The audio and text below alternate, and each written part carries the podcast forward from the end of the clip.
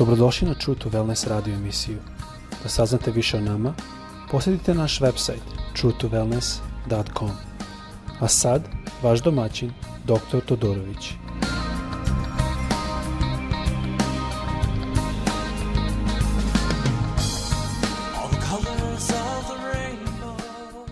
Dobar dan, ljubazni, pozdravljam vas iz Floride. Ovde, kao što znate, imamo zanimljivu situaciju trenutno gde je vrlo puno covid imamo. samo da vam dam ideju, u celoj Srbiji imaju oko 20, ima tako 20 hiljada slučajeva trenutno, mi ovde imamo oko 600 hiljada slučajeva, a populacija samo dupla od što je u Srbiji, tako da možete videti kakva je situacija. I Bog je to dozvolio i danas želim baš malo da govorim ne toliko o tome, nego želim da govorim više o o poznanju Hrista i šta je razlika između starog i novog zaveta. Stari zavet ili obećanje ili dogovor je zavet što je počeo sa Mojsijem. I ne želim previše ulaziti u to, ali želim da malo razgovaramo o tome šta to znači e, sada novi zavet što je pisan na našim srcima, koje greške se prave u tom smislu i na čemu je baziran novi zavet. Tako da ovo ću uzeti par epizoda. Pitao bi vas da se pridružite kada govorimo o svim ovim epizodama jer će jedna za drugom da prate i bazirat će se i gradit će se jedna na drugoj. Ja se nadam da ću moći to iznati dobro, pošto moj srpski malo teži i loši, tako oprostite mi ako napravim koju grešku. Započeo sam ovo sa razmišljanjem o farisejima i seducejima, koji su bili književci, književnici, kako mislim mi kažemo, koji su bili u to doba kad je Hrist bio. Danas, kada razmišljamo i gledamo crkve, mnogo puta ja se pitam da li je to zaista različito šta su imali tada i šta imaju danas. A mi kada čitamo, mi kažemo da, da, da, da smo mi u to dobro bili, mi ne bi tako radili. Ali šta su fariseji i književnici uradili? Oni su gledali na spoljašnost. Oni su gledali osobu od spolja, dok je Isus gledao osobu iz unutra, sa strane kako je njihovo srce. Kada mi gledamo današnje crkve, ja na, nalazim da puno više crkva, nažalost, gledaju osobe sa spolja. Tako da, sa te strane, ne znam da smo mi tako, dru, tako različiti od lic, a, fariseja i književnika, koje je gospod nazvao licemere. E, zašto? Zato što su oni bazirani na starom zavetu.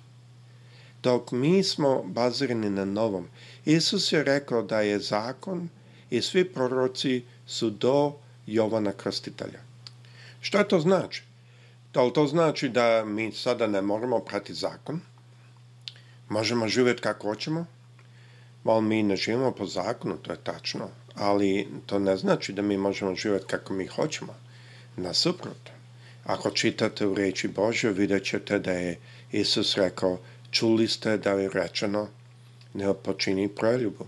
Ali ja vam kažem da ako neko pogleda na ženu sa mm, željom od srca, mislim da kaže, ne znam, sad malo prevodim sa engleskog, već je počinio poljubu, preljubu sa njom u svom srcu. To meni ne znači i ne liči kao da je Isus rekao, možete ići radi što hoćete, nasuprot. Ne samo da to Isus nije hteo, on želi da uoštri ono što je u nama, ali Tako da mi pazimo na ono iz dubinski što ulazi iz na, izlazi iz nas. Na što mislim? Srce. Vidite, u čemu je stvari da mnoge stvari možemo mi uraditi, ali da budu nekako izgledaju lepo napolje, a iznutra šta bude. Mnogo puta mi možemo lepo da vozimo, lepo se obučemo, lepo hodamo, i ljudi će reći vidi kakve gospoda, kako su dobri ljudi. Ali Bog fokusira na unutra zato što iznutra, iz srca što izlazi, kad to zaustavimo, kad to počnemo lečiti, onda sve ostalo dolazi u red. Tako isto današnje crkve mora da znaju da tek kada naše srce je na mestu, onda mi hodamo kako je ispravno Bogu. U Jevrejima 8.6 kaže, a sad dobi bolju službu, kao što je i posrednik Božeg zaveta, koji na boljim obećanjima koji se na boljim obećanjima utvrdi. Sada, ko je dobio bolju službu? Hrist. I na engleskom ovo puno jasnije a, e, se izražava. Hrist je dobio bolju službu. Kako? Zato što je dao svoj život za nas. Šta mi znamo je da njegova služba i ono što je on uradio je iznad bilo što što je Mojsije ili bilo koje od proroka uradio. Oni nisu to mogli uraditi zato što nisu imali krv koja je slobodna od greha. Isus je došao na zemlju. On je bio a, iskuš, a, kušan na mnoge stvari, ali nije na jednu stvar pao. I tako da on je stradao kao neko koji svet je bio tretiran kao neko ko je grešan. I na taj način on je uspeo učiniti jednu bolju, jednu višlju, jednu jaču službu nego jedan drugi čovek što je mogao. I zato, ako razumete e, evanđelje, shvatit ćete, mi kažem na engleskom, to je zakon substitucije. Shvatit ćete da ako je neko prošao kao grešnik, ko nije greha imao, sada on nama može da da pravo i on je da mi prođemo kao da nismo grešnici iako smo rođeni u grehu. I u tome je stvar da on sad u stanju da nas očisti i očistio. I tako je, kaže, kao posrednik boljega zaveta. E, na engleskom kaže mediator. to je neko koji povezuje dve strane. E sada, obično posrednik kada povezuje dve strane, on se ne meša niti plaća cenu ali Hrist kao posrednik je platio cenu da može dovesti dve strane zajedno. I zato mi imamo sada bolje obećanja koje on sada je s tim utvrdio. E sada stvar je jedna, a to je da sada đavo mnogo puta pokušava da smanji tu žrtvu. A pa to ništa, samo ti idi u crkvu, živi lepo, a, hodek kako treba, sve će biti dobro. A nije tako.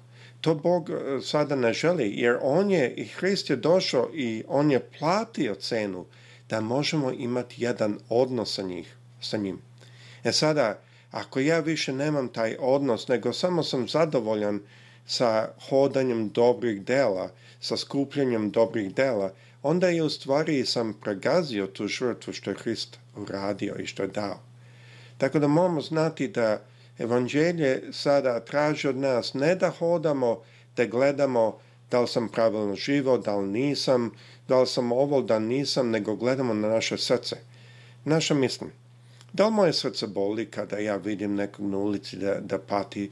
Da li moje srce boli kada njegovo, Hristovo srce boli? Da li moje srce plače kad Hristovo srce plače? Da li ja imam to srce koje je slično u kadru kao što njegovo? Isus je na srce gledao. I on je taj što menja srca, ali mi moramo to dozvoliti. A mnogo puta, i ja sam sam bio kriv u ovome, mi se nađemo toliko puta da brojimo naše plodove, da nikad na, stanemo da uspostavimo jedan odnos sa Hristom. On nije zainteresan u vaše plodove. On je zainteresan za vaše srce. Šta kažem i šta mislim s tim? On je zainteresovan na jedan odnos sa nama. On, da imamo jedan, kaže engleski, relationship. Da mi možemo hodati sa njim. Literalno.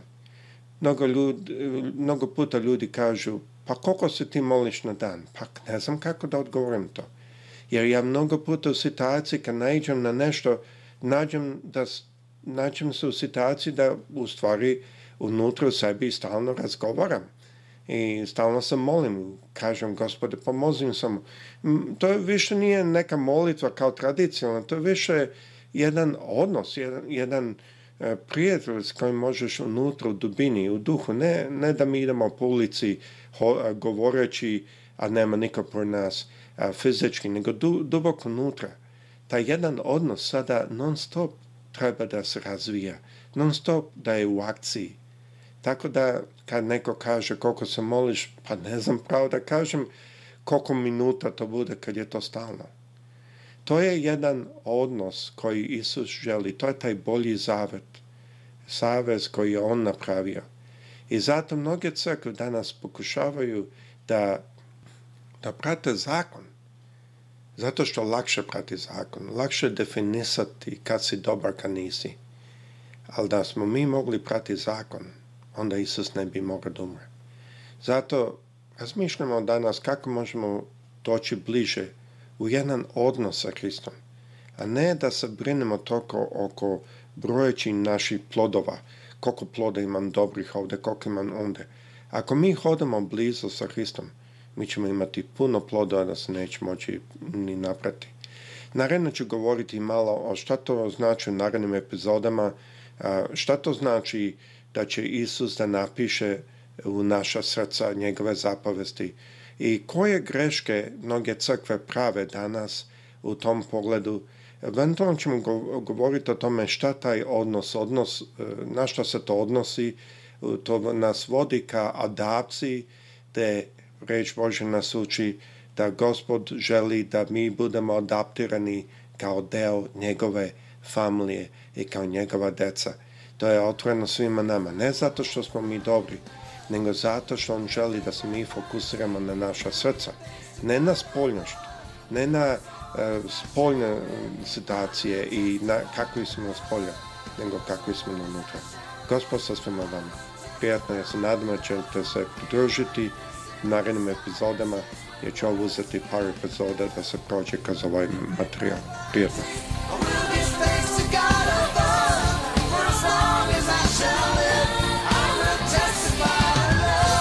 Slušajte True to Wellness radio emisiju.